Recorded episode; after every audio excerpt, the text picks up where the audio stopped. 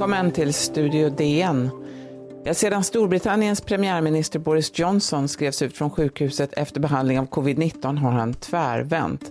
Han anser inte längre att övervikt enbart är en privatsak och efter att ha tyckt att sockerskatt är en klåfingrig pålaga är han öppen för att hjälpa britterna att banta.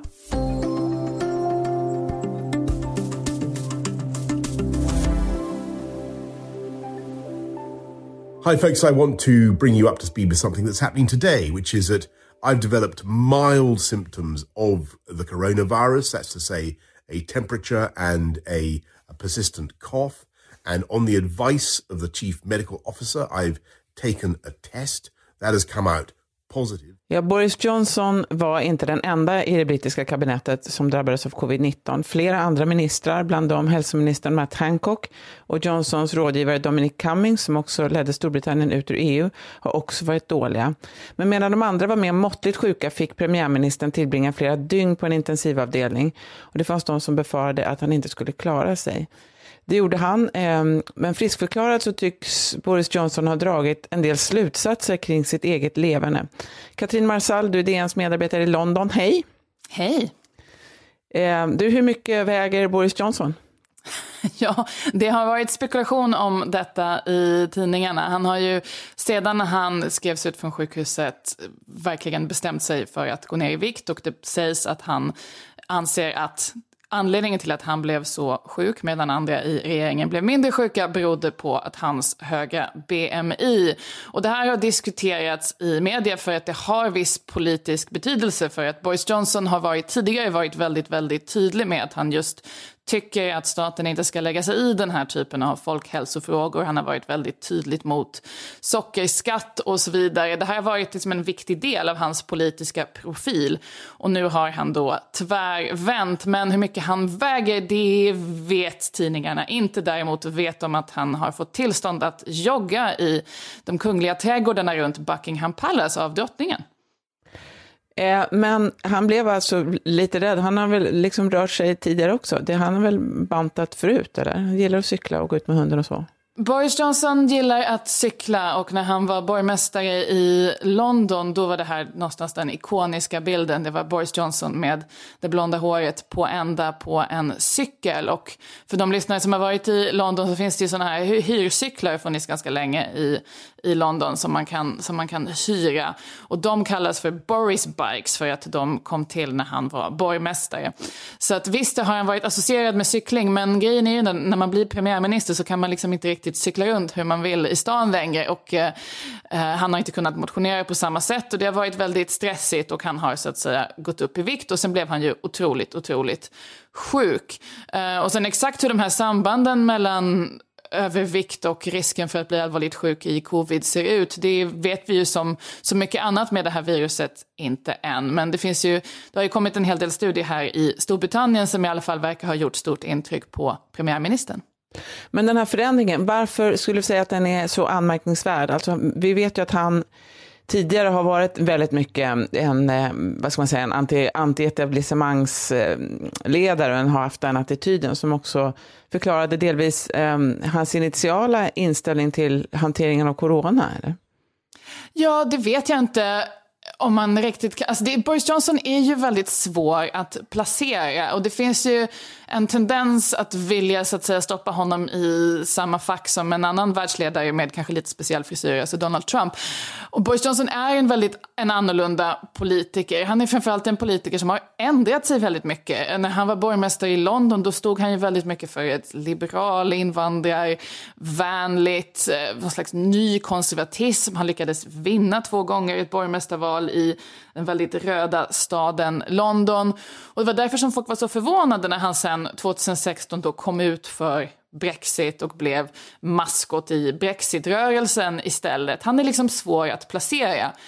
Och då, men just de här frågorna som kanske kan tyckas perifera för en del om ska vi ha en sockerskatt eller inte? Ska staten lägga sig i om man får eh, servera blodig hamburgare på restaurang eller inte? Det är faktiskt de få frågor där Boris Johnson under hela sin politiska karriär har varit föredömligt tydlig. Han är emot allt sådant. Men nu har han alltså ändrat sig. Men det här handlar ju om eh, lite mer då än bara om hans eget förhållande till sin kropp. Vi ska höra mer om det alldeles strax.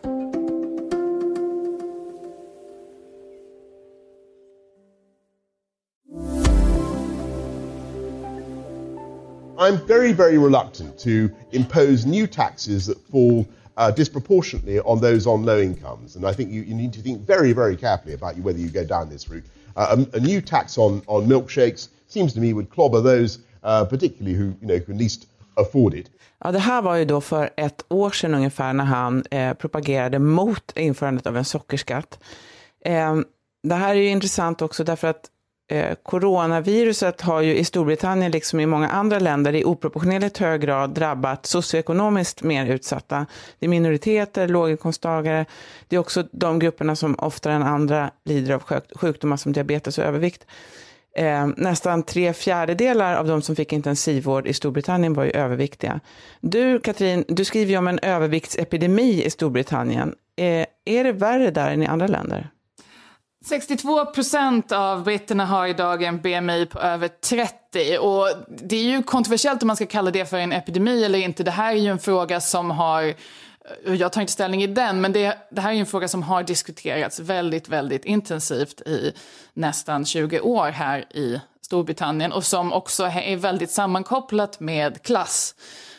Um, för att det finns den typen av, och det är det vi hör Boris Johnson säga i det här klippet, att en sockerskatt drabbar, precis som konsumtionsskatter traditionellt gör, de på lägre inkomster. Och det finns också liksom en, en liksom väldigt, väldigt infekterad klassaspekt där man tycker att de som har kampanjat för bättre folkhälsa, till exempel Jamie Oliver, kändiskocken som ju är känd i Sverige också, han anklagas hela tiden när han går ut och försöker då ja, lära folk hur man ska äta mer hälsosamt, lära skolbarn att, äta ma- äta, att laga mat. Han anklagas hela tiden för klassförakt.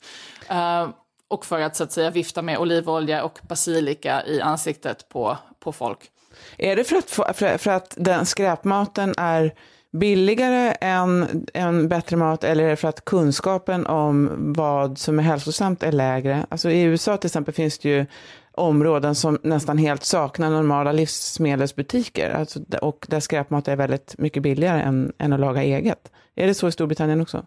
Absolut, det finns den typen av aspekter ehm, eh, som handlar om, om vilken mat som är, som är... Mat är generellt ganska dyrt här i Storbritannien och det finns en stor diskussion om att just sånt som friterad kyckling från ett snabbmatshak i väggen just där. Dels mycket enklare och dels billigare. Det finns diskussioner om att liksom, folk vill liksom inte ha recept från Jamie Oliver som handlar om att du ska laga lamm fem timmar i ugnen på låg värme för att man tänker på elräkningen helt enkelt och den typen av saker. Och det är enklare att stoppa saker i mikron.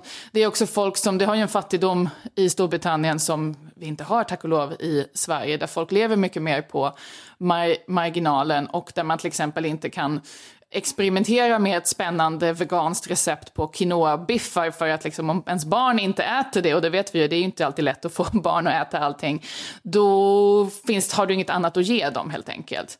Uh, så det finns en stor sån diskussion. Men sen handlar det också om kultur, det handlar om att man vill inte bli tillsagd av någon överhet vad man får och, och inte får stoppa i sina barn.